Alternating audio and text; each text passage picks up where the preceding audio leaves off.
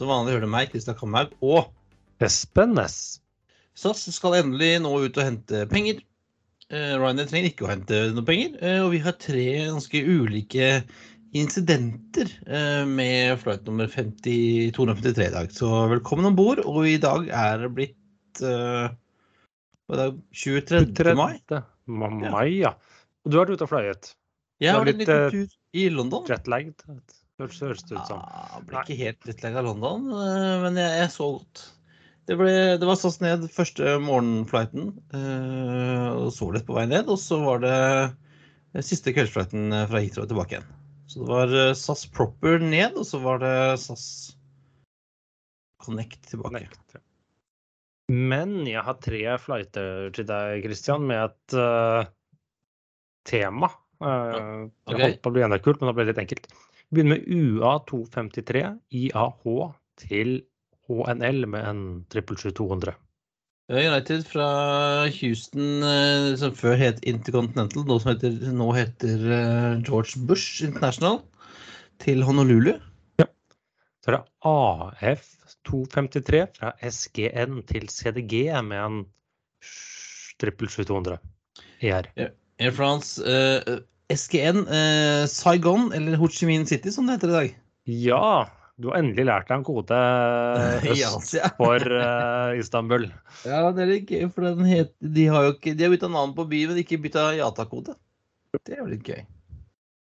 Da er det BA253 fra LHR til NAS med en 777 200 ER. Ja. Uh, BHJS fra London Heathrow til uh, Er det Nosso? Bahamas? Ja. Det, er, altså, det, er, det er jo et sted hvor jeg er litt mer eh, eh, kjent, eh, Espen. Også da er det masse, noen par likheter og en forskjell. Ja, det er jo, det er jo 777-200, da. Ja. Eh, og så er det ja, Nassau og, og Honolulu er jo sånne feriesteder og øyer. De er jo ikke Saigon eller Ho Chi Minh City på noen måte. Nei, men det er nok et leisure-element i den ruta òg. Ja. Men så er det Det er jo tre forskjellige allianser, er det? så en 777-200 med hver av alliansene. Ja, altså jeg så 777s og Dreamlinere på rekke og rad i går. Jeg satt eh, og drakk litt eh, Prosecco i uh, Lufthansa Senator-lunsjen på Heathrow. Det er veldig koselig. Sitte der og se liksom eh, Emirates A380 Tara, Dreamlinere fra BA og Gulf Air og eh, Saudia og Ja, det er deilig. Det er litt mer spennende på Heathrow enn det er på Gardermoen. Det må Er vi innrømme. Ja, det er det, altså. Det er det. Uh, noe av det gøyeste jeg så, kanskje, liksom, liksom, kanskje det mest eksotiske, var vel Air Astana en, med en A321. Ja, Og Bulgaria Air, det har jeg ikke sett på lenge.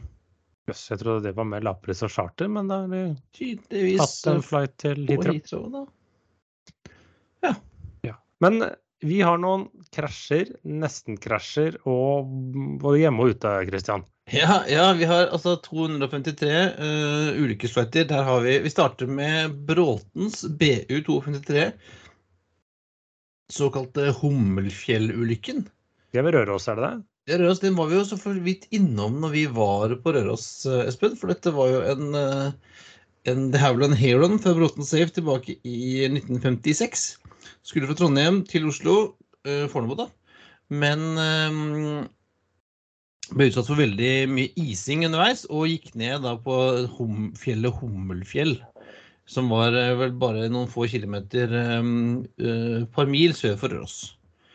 Ti passasjerer, to crew, kapteinen og en av passasjerene omkom i ulykken. Resten overlevde. eh, Og en av de som var om bord, var jo gode gamle sjunkel Rolf. Husker du han, Espen? Jeg tror faktisk jeg er hakket for ung, Christian, eh, selv om jeg nærmer meg 40. Ja, eh, Rolf Kirkeog, en eh, radio- og TV-mann som var kjent, eller mest som radiomann da, tilbake i 56, som, som holdt, holdt um, stemningen oppe i dette vraket i fjellsida med, å, med å synge litt og, og nesten kjøre radioprogram eh, fra, fra vraket. Han og en annen en, eh, gikk, eh, gikk til nærmeste eh, bebyggelse for å finne hjelp. eh, Og så ble alle sammen, bortsett fra de to som kom da, reddet, og eh, vraket ble også fjerna.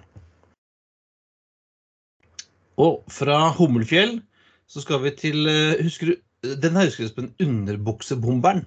Ja, det var ikke en ulykke, og det gikk jo egentlig bra, men det har konsekvenser for oss den dag i dag. Ja, dette er altså Northwest Airlines flight eh, 253 eh, 25.12., første juledag eh, 2009. En eh, A330 ja, eh, fra eh, Amsterdam til Detroit. Og på vei inn landing i Detroit så oppdager de at det sitter en fyr eh, og Omar Farouk Abdul Matolab en Al Qaida-fyr eh, som sitter og prøver å lage, eh, tenne på eh, en bombe som han fikk plassert i sin egen underbukse. Mm. Det var noen kjemikalier som prøvde å, å, å blande sammen for å få dette til å smelle, og det gjorde det jo heldigvis ikke, da. Ja, det gikk ikke så bra med det, men det er jo derfor vi i dag ikke fram til nå i disse dager, nå er man i ferd med å gå bort fra det igjen, ikke kunne ha med mer enn eh, væske i 100 milliliters beholdere. Ja, I trusa eller hvor det skulle være, det, det, har vi ikke hatt lov til det. Så det kan vi også takke eh, Omar Farouk eh, for. For det var vel, en, var vel han også, var vel en til også som holdt på det, og prøvde på det. Og hvem som hadde noen bombe i sokkene? Eller skoa? Jeg, jeg, jeg husker ikke helt. eh, For det var, det var nok et par av de, så det. Men eh, ja. Men så var det, har vi en tredje som ikke jeg kan så mye om, Christian. Nei, altså den siste her er ikke en ulykke og ikke noe bombe. Det er altså en eh, Seaboard World Airlines flight 253, en DC-8 tilbake i juli 1968. Det var altså en chartermaskin, chartra med amerikanske soldater, på vei fra eh, fra McCord Air Force Base i nærheten av Seattle via eh, Yokata Airbase i Japan, på vei da til eh, Sør-Vietnam. Tilbake til eh, Saigon, da, Mm. som vi var i i stad. Sikkert, sikkert dit han skulle. Eh, men kommer du ut av, ut av kurs eh, så, eh, og kom over sovjetisk luftrom, og det skulle man jo ikke gjøre på 60-tallet. Nei, det var litt dumt. Så da ble de møtt av et par MIGs som eskorterte de pent ned til en av disse Kuriløyene, som jo Sovjetunionen og Russland krever er sine, men Japan, Japan mener det er deres. Så 214 eh, passerer, altså soldater, og 24 crew, de ble holdt eh, til fange nesten i to døgn, før eh, sovjeterne slapp det løs igjen, da. Det var en liten, en liten pinlig incident for amerikanerne, og Seaboard World fikk en bot på 5000 dollar eh, fra FAA. Fordi at deres dopplerradar ikke var eh, sertifisert på rett måte. Mm. Men, òg uh, fun fact uh, om denne maskinen, Espen. Uh, ble fløy for, for Seaboard i to år til, eh, og så eh, ble den eh, solgt eller overført til eh, Icelandair som eh, TFFLB fram til 1984. Ja, ja, for de fløy jo DC8. Ja, så den her eh, har sannsynligvis vært på Fornebu back in the day. Var visstnok en sånn ganske sånn alvorlig alvorlig incident. da. Det var ganske pinlig eh, å sende en gjeng med soldater. Og eh, visstnok så ble kineserne litt grinete på sovjet, sovjeterne fordi at de slapp dette flyet løs. Løs etter, etter kort tid. Men, og kineserne var jo alliert med Nord-Vietnam. Mm. Så de vet at det her hjalp de amerikanere. Så der Men fra- litt. Et selskap som fløy, eller over til aktuelt, fra et selskap som fløy DC8-ere til et annet som fløy DC8-ere uten å tjente penger på det, tror jeg. Ja, kan hende de tjente penger back in the day, men eh, vi skal, eh, det er nesten uh, konkurshjørnet, Espen. Vi skal tilbake til eh, SAS, for der har det skjedd litt eh, ting siden sist.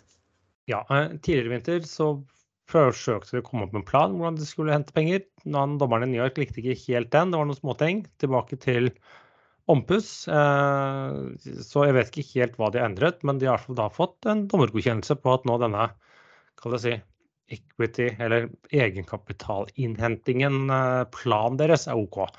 Og så får man jo se hvor mye de si, får inn, hvem de skal få inn fra. Det blir en sånn si, anbudsprosess eller budprosess um, og litt uh, åpent. Men de har liksom i hvert fall fått da go for å starte den prosessen. For det er jo neste. For nå har de jo fått en sånn røftlig eller litt sånn vet ca. hva som blir eh, gjelden, eller hva som blir avskrevet gjeld. Og så må du liksom skaffe da også ny, ny egenkapital. Så om det blir da Apollo som går inn mesteparten, eh, eller i tillegg Man vet vel at den danske stat skal inn, men hva annet? Og hvordan det vil se ut, til hvilken pris. Det er da man nå kan liksom begynne å jobbe med litt mer konkret med. Ja, har det ringt til deg? Nei, eh, ikke jeg, si, jeg er milliardær og skal bli millionær, så jeg har ikke eh, fått noen telefon. Nei, Så du skal ikke investere putte noe penger der heller? Ennå? Alt er, men dette er jo sånn Hvis du tar på deg litt sånn profesjonelle investorbriller, så er det alt sammen Det er alltid en snakk om pris.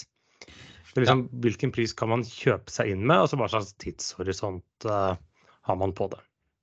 Ja, og så er det jo sånn om de, om de bare plasserer alt et sted, eller om de kommer til å kjøre en, eh, en IPO også.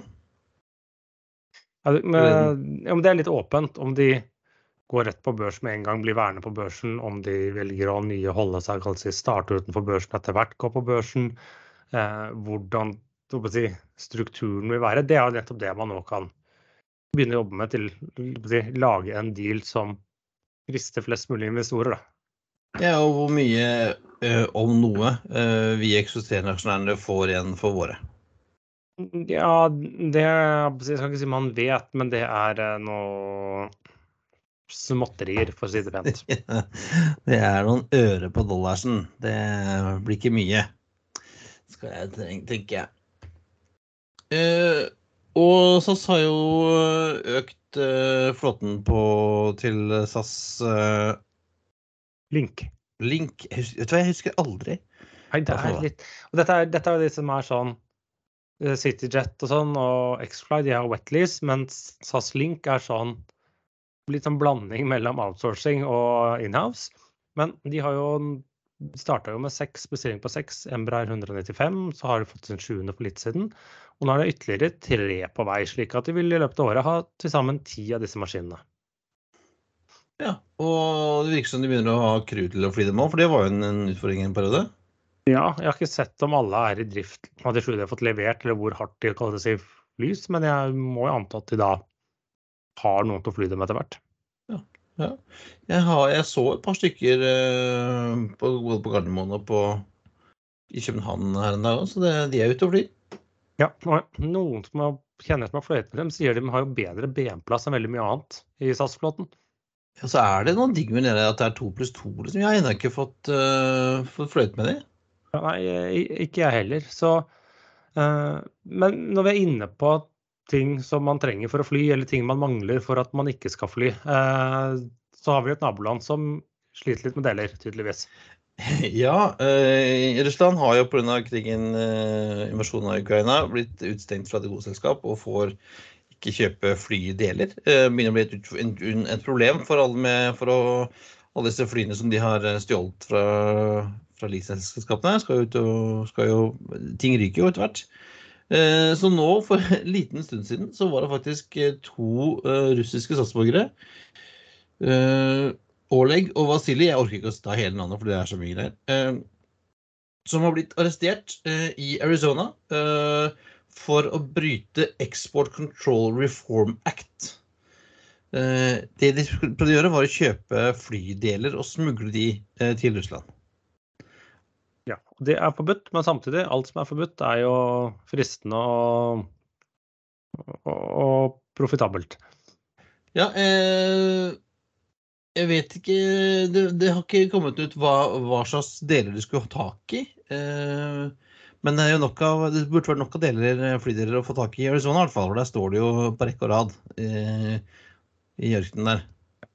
Men, det er jo eh, mange kan... der som, selskaper som har spesialisert seg på, på deler.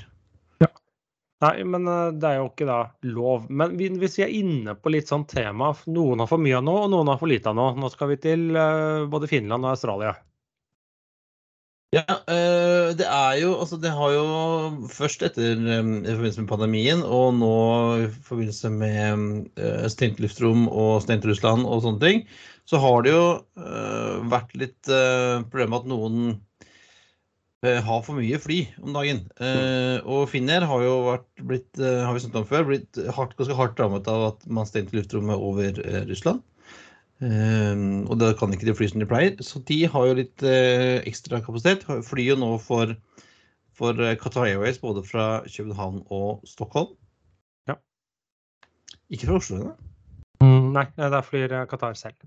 På de, alle flightene. De går snart opp til to daglige nå i løpet av på slutten av året til og med. Jeg så en Finner A350 i London. Jeg rakk ikke å sjekke om den fløy på eget uh, flight. Nei, eget. De har alltid både pga. Eh, uh, frakt og pga. god feed. Eh, så har de alltid, eller veldig ofte hatt en eller to sånne widebodies til mye Brussel, Amsterdam, men også da London, bortimot fast.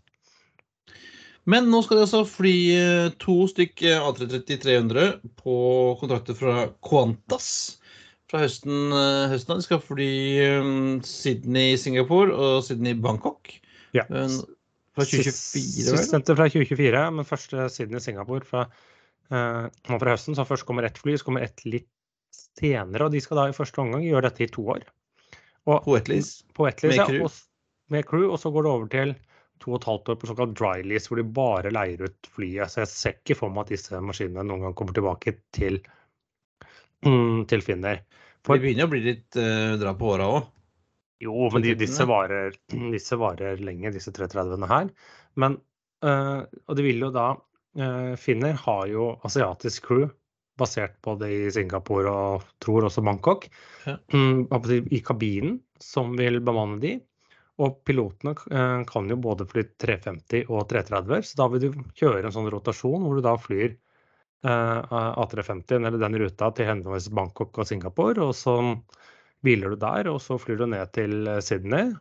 Og så er det tilbake igjen samme, så du er borte ganske oh, ja. lenge, men en sånn skikkelig god gammeldags uh, rundtur. Så, det ikke, så, de pilot, så ingen crew skal egentlig baseres i Australia?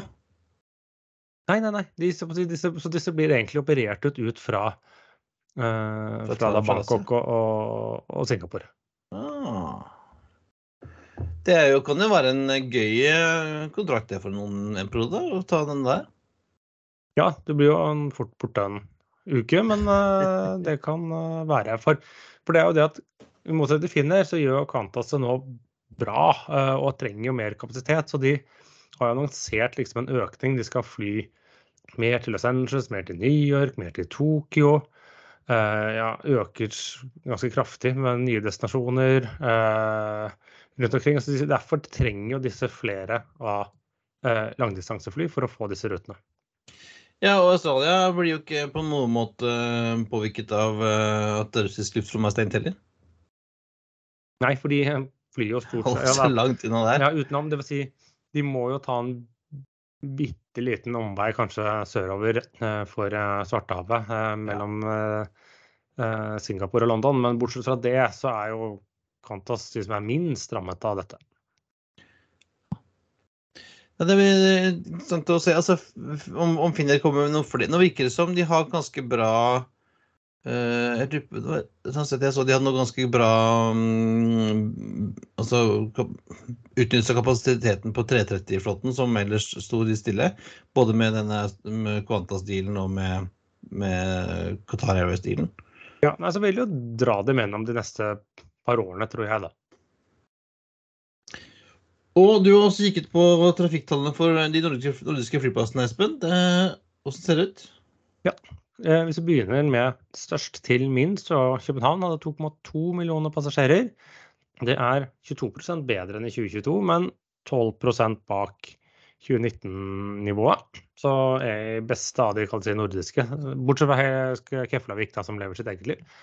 Eh, OCL hadde 1,92, nei 94 millioner, så litt under 2 millioner der. De ligger på 86,2% av 2019-tallet, dog bare, bare 5% bedre enn 2022.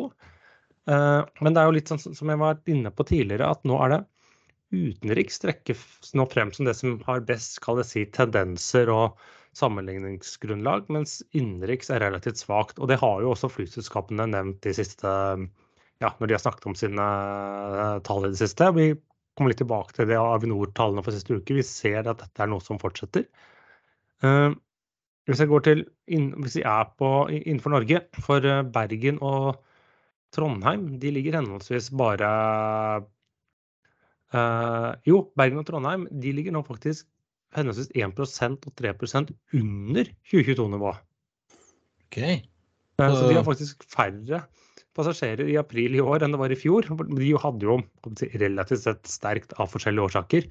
Uh, mye at innenrikstrafikken jo kom tilbake først. Uh, mens uh, Stavanger og Oslo er like ved at de ligger 5% over liksom, fjorårsnivå. Hmm. Så olje, olje, olje går bra, da? Ja, olje og ja, utenriks. Det er ikke at de andre nødvendigvis går så dårlig, men det er bare at de fikk en veldig god start på 2022 med si, lav rente, mye innenrikstrafikk, for det var jo fortsatt begrensninger litt hvor man kunne reise osv. Trondheim har jo ikke så mye utenriks heller. De har noe eh, Amsterdam og København? Jo, jo, ja, vi har jo noe. Det, men det var en litt forklaring hvorfor det gikk veldig bra mm. i, i 2022. Mm. Uh, så har vi Arlanda. Uh, litt under 1,8 millioner passasjerer. Det er 86,7% av 2019-nivået. Faktisk knepp bedre enn OSL. De er opp 5,4 eh, prosentpoeng fra mars, som var en ganske kraftig forbedring. Helsinki derimot 1,2 millioner passasjerer. Eh, to tredjedeler av 2090-nivå. Av en eller annen grunn så er de ned 5,4 prosentpoeng på mars. Og jeg klarer ikke å forklare hvorfor Stockholm spretter opp og Helsinki spretter ned. For påsken var ca. samme måned. og det kan kanskje ha vært noe eh, SAS-streik, at Helsinki da fikk litt ekstra passasjerer ja, i, i, den delen av 2019, fjor, ja. mens motsatt på Arlanda. Ja, men jeg klarer ikke helt å, å forklare det, for tendensen bør jo være ganske lik. Ja. Mm. Og så er det Keflavik. Ja, den, men den er jo håpløs å sammenligne med. Ja, den er håpløs. Den er 544 passasjerer. Det er jo 15 mer enn i 2019. Og en økning på hele 30 prosentpoeng fra måneden før. Men det er liksom at i mars 2019 så fløy ikke Wow, men de gjorde det Nei, i mars 2019 fløy Wow, men de gjorde det ikke i april samme år. Og nå har jo Play, Play kommet tilbake, så den Ja, det ser litt rart ut. Men litt som jeg var inne på, jeg ser Avinor slapp jo tall for 20, så man kan sammenligne ganske bra med uke 20 i 2019. Og da er den mest sannsynlig ende på minus 13% sammenlignet med uh, 2019. Og, men jeg er inne på før, det er jo motsatt nå, for nå er utenriks ligger bare 8% bak 2019, og innenriks hele 18 så tendensen lyver ikke, men jeg tror nok det er litt overdrevet begge veier. For forrige uke så var det jo bare to vanlige arbeidsdager. Uh. Og det gjør nok det blir en del færre innenriksjobbreiser enn normalt, mens veldig mange dro bort til en sånn veldig langlang uh, helg. Og det gjør færre passasjerer, men produksjonen går ikke ned. fordi det tar jo mye lengre tid, og det er mye lenger å fly én person til Malaga mm. enn til Bergen. Så du rekker liksom at selve hvis jeg hadde sett på produksjonstall som ikke utgis på ukentlig basis, liksom RPK eller ASKE-tall, ikke passasjertall, så tror jeg det ville sett litt annerledes ut. Ja, mindre forretningstrafikk og, og, jeg tror ganske mange som tok den, dro, dro, en, dro en tur et annet sted i den eh, lange helgen der. For jeg så det var mindre folk på 17. mai-feiringen her i Asker enn det pleier å være, Espen. Ja, og, og, og, jeg gikk inn på liksom for tallene. Både Bergen, Trondheim og Stavanger var utenrikstrafikken i uke 20 lik som i 2019. Ja. Ja. Tror du vi får noen, noe, noe, Er det noe brannpåvirkning, Espen, eh, på denne uken som gikk? Det berget vel kanskje innenriks fra total krise at alle bergenserne skulle til Oslo og se på kamp, men eh, ja. Men dessverre et eh, østlandslag eh, på andre siden. Det er jo ikke det som vi liker best i vår, eh, når vi følger flybransjen. Da skal vi helst ha sånn type Bodø eller Trondheim eller noe.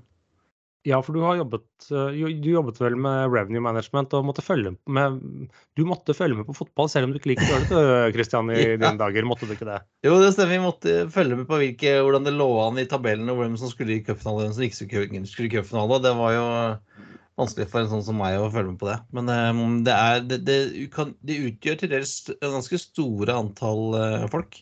Særlig når det er uh, veldig eh, Når det er ekstrempatrioter som, som bergenserne, så er det jo eh, ja, Jeg tror ikke det var et sete å få, tak i fra Bergen til Oslo den helgen. Nei, hvis 10 000 bergensere skal til Oslo, så fyller jo det noen fly. Selv om Ja. sikkert noen tar toget. Det. Vi får se om det, om det har innvirkning på statistikken, Espen. Men cupfinalen, jeg vil påstå at det er ikke innvirkning på Ryanairs resultater. Nei, hva har egentlig hva, hva har innvirkning på det, Espen? Det, det, det, det, eh, det går unna, selv om de tapte De har jo også litt sånn avvikende regnskapsår, har de ikke det? Jo, så den sluttet nå i slutt av mars, og de kunne riktignok rapportere et tap på 150 millioner euro, så det er jo 1, hvem vet hva valutakursen er akkurat nå, men det er jo 1,7 milliarder kroner. Høres veldig voldsomt ut, men det er jo ikke et kvartal hvor noen flyselskap nødvendigvis skal tjene penger. Nei, Eh, selv ikke Ryanair, og det er mye bedre enn i fjor. Ja, ja mye, så de, de, men for året ett da, så tjente de 1,4 milliarder euro. Så vi snakker jo 16 milliarder kroner i overskudd sammenlignet med 355 millioner euro eh, året. Det gjør jo bra, selv liksom med relativt høy drivstoffpris. Så liksom de hadde, de hadde, Ryanair hadde nesten 169 millioner passasjerer i løpet av det siste regnskapsåret. Det er mange mennesker. Det er, ja, det, det, det er mye, mye folk som skal fly, som flyttes, ja. Ja. I, I en trang tube med skraplodd. Og, sier også de hadde tatt store markedsandeler, Hvordan de hadde traktet fram Italia, Polen, Irland og Spania. Uh, og det var jo også et uh, intervju med, med Michael O'Leary både i flere, på flere aviser, og noe ble vel sitert, var jo at det liksom sånn er at uh, sier at eneste utfordringen vi har, er å ikke drite oss ut, men det gjør de andre i enda større grad. Og så klager han jo litt over sene leveranser for disse maksene sine, men han sier at det gjelder jo alle. Slik at eh, leveringsproblemene holder faktisk tilbake litt på kapasiteten i Europa, og det betyr bedre yield. Ja, det er, det er ikke så dumt, det. Altså, det, det. Amerikanerne har jo vært, nå i mange år vært flinke til å, til liksom, å styre sin kapasitet mye bedre enn man har gjort i Europa. Litt fordi det finnes fire store flyselskaper i USA og en hel skokk i Europa. Men det at man nå blir tvunget både på med, med, tanke på liksom, kapasiteten på flyplassene og, og hva de har av, av leveranser av flymaskiner, så, så, så, så trekker du ned uh, tilbudet litt. Uh, Du får ikke den crazy overkapasiteten som vi har hatt i Europa mange år. og Det gjør jo at, uh, at prisene fortsatt holder seg høye. Espen, Hvis du har kikka litt på flypriser for sommeren. Ja, Og det ser man jo. Jeg er jo usikker på regnestykket der. Eller hva er det? For på en måte så klager jo flyselskapene oppskriftsmessig at alt av flybestillinger, selv gamle fly, eh, brukte fly og vedlikehold, alt sammen er forsinket. Og det er selvsagt et minus, det taper de penger på. Og, og de må jo få til høres dårligst mulighet for å forsøke å få litt kompensasjon eller rabatter osv. osv. Uh, men hva er liksom nettosummen her? Fordi det at kapasitet ikke er tilgjengelig, det vet man jo også driver opp prisene. Så taper de egentlig på dette noe særlig, eller går de null, eller hvordan det egentlig ligger an? Det hadde vært egentlig interessant å vite. Ja, jeg tror eh, det er nok eh, mye usikkerhet rundt der. Og det har jo ført til at, eh, at f.eks. Transavia har jo kutta en masse flighter, nå flere hundre flighter fram til juni. Først og fremst fra Amsterdam, Eindhoven og Rotterdam, da, på toppen av de 5% av flightene som allerede er kutta. Og det kommer som, far, som følge av mangel på fly. Og både brukt og nye, eller i hvert fall Ja, for de skulle jo, eh, de skulle jo nå De starter nå sommersesongen med seks eh, fly færre enn planlagt. Blant annet så skulle de fått eh, tre eh, X-Air Blue Air-maskiner etter konkursen der, som er forsinka. Og så har de tre som er forsinka i vedlikehold. Eh, og der tror jeg det er eh, Alle Virksom, virksom mot, motorer er en, en issue for de fleste om dagen. Både gamle og nye fly. Ikke Og, minst de nye. ja, ikke minst de nye. Men det skal sies at uh, Transavia også tydd til uh, wetlease, men det er ikke nok. Nei, så De har som, uh, kansellert på forhånd, for de vet at det blir jo, jo lenger du venter med å kansellere, jo dyrere blir det jo. Ja. Med kompensasjonsregler og, og greier. Jeg holdt jo på å booke Transavia hjem fra Paris, Espen, men det ble SAS. Men det er jo egentlig Transavia France. Det sånn, ja, og Transavia France har jo ikke de samme problemene som uh, gode, gamle Transavia Holland. Altså, bortsett fra at jeg har sett flere ganger et en hvitmalt Airbus tilhører et eller annet østeuropeisk selskap fly for den for Oslo-ruten. ja, så det er ikke helt på stell heller. Men vi, var, begynte, vi begynte med konkurshjørnet, og så skal vi avslutte med det aktuelt, Christian. Ja, vi skal innom Nice Air, som uh, var et nytt uh, islandsk flyselskap som vel vi uh, ikke hadde så store forhåpninger til når det kom, Espen. Skulle sånn, fly fra Akureyri? Ja, virtuelt. et litt sånn virtuelt selskap fra Akureyri. Og så skjedde det et eller annet rart, så flyet forsvant eller gikk tilbake til enten det var eier eller utleier eller operatør eller hva det var. Men så sto dere uten fly, og så hadde det vært en glimrende forretningsidé, så er det ikke sikkert de hadde Kanskje de hadde forsøkt å finne et nytt fly, og ikke ja. slått seg selv konkurs. De skylder nå på Highfly Malta, som kom og henta flyet sitt tilbake igjen. Eh, men eh, jeg tror ikke det der jeg, jeg, Der var jo dødfødt opplegg. Men, Men det var fint fly, da. Ja, og apropos det, hvor kan du se det iblant? Det vet jeg ikke. Og senest i dag på OSL. Å? Fordi dette Highfly Malta-flyet i Nice Air-fargene, det har jo Air Baltic eh, måttet leie inn for å eh, veie opp på sine manglende A220-er som står med motorproblemer. Eh, så det var senest på HSL på, for Air Baltic til Riga-ruta deres i dag. Ja. Altså, jeg, trodde, jeg syns jeg så at den skulle, at den skulle uh, kuttes, uh, kappes opp, ja, men det, det, bør man jo ikke gjøre med flydager med så stor etterspørsel etter flymaskiner. Nei, jeg tror det var egentlig eieren etter å snappe tilbake maskinen sa den skulle skrotes, og så fikk de et bedre tilbud. Ja, Apropos Air Baltic. Eh, jeg var inne og kikket på min eh, Paris-bestilling. Eh, ja. SAS-bestilling Og plutselig, der er det oppført Air Baltic 1820. Ja, og jeg skal fly Air Baltic 1820 Oslo-NIS. Med mindre noen ombestemmer seg igjen. Ja, så hvem, hvem vet? Jo, det, hender, er om, det, er, det, er, i august, så det er mye kan skje inntil da. Ja, jeg krysser fingrene for at jeg skal uh, få fløyet uh, A220 på den turen. Det hadde vært gøy. Du har ikke fløyet det, du? Har ikke det, skjønner du. Nei. Jeg så både Swiss og Air France med A220-er på Heathrow i går. Ja. Men uh, A220, mange av de står på bakken, eh, men de har kommet seg i lufta.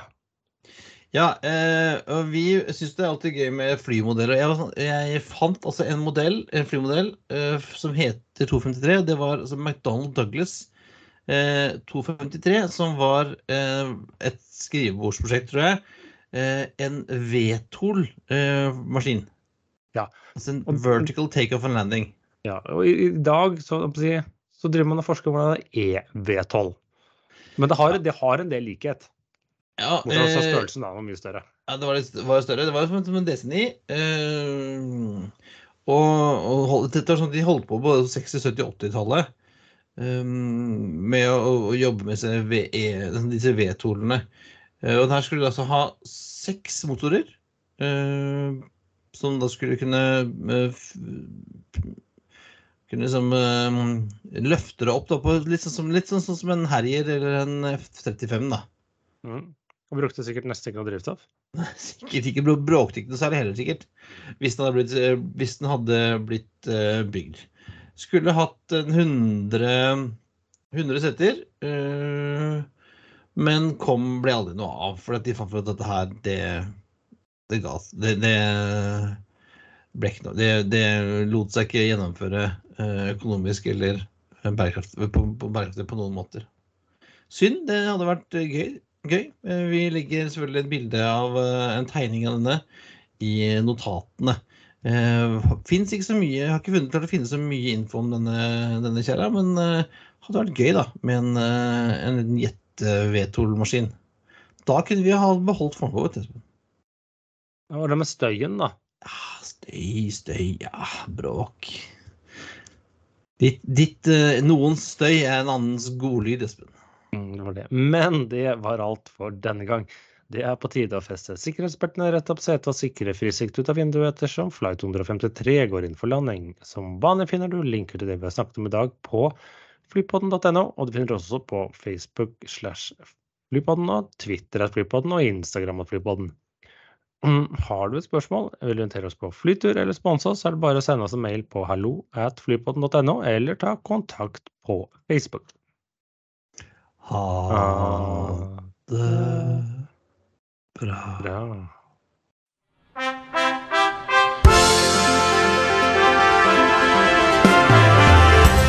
Thank you for flying Ryanair. Last year, over 90% of our flights arrived on time.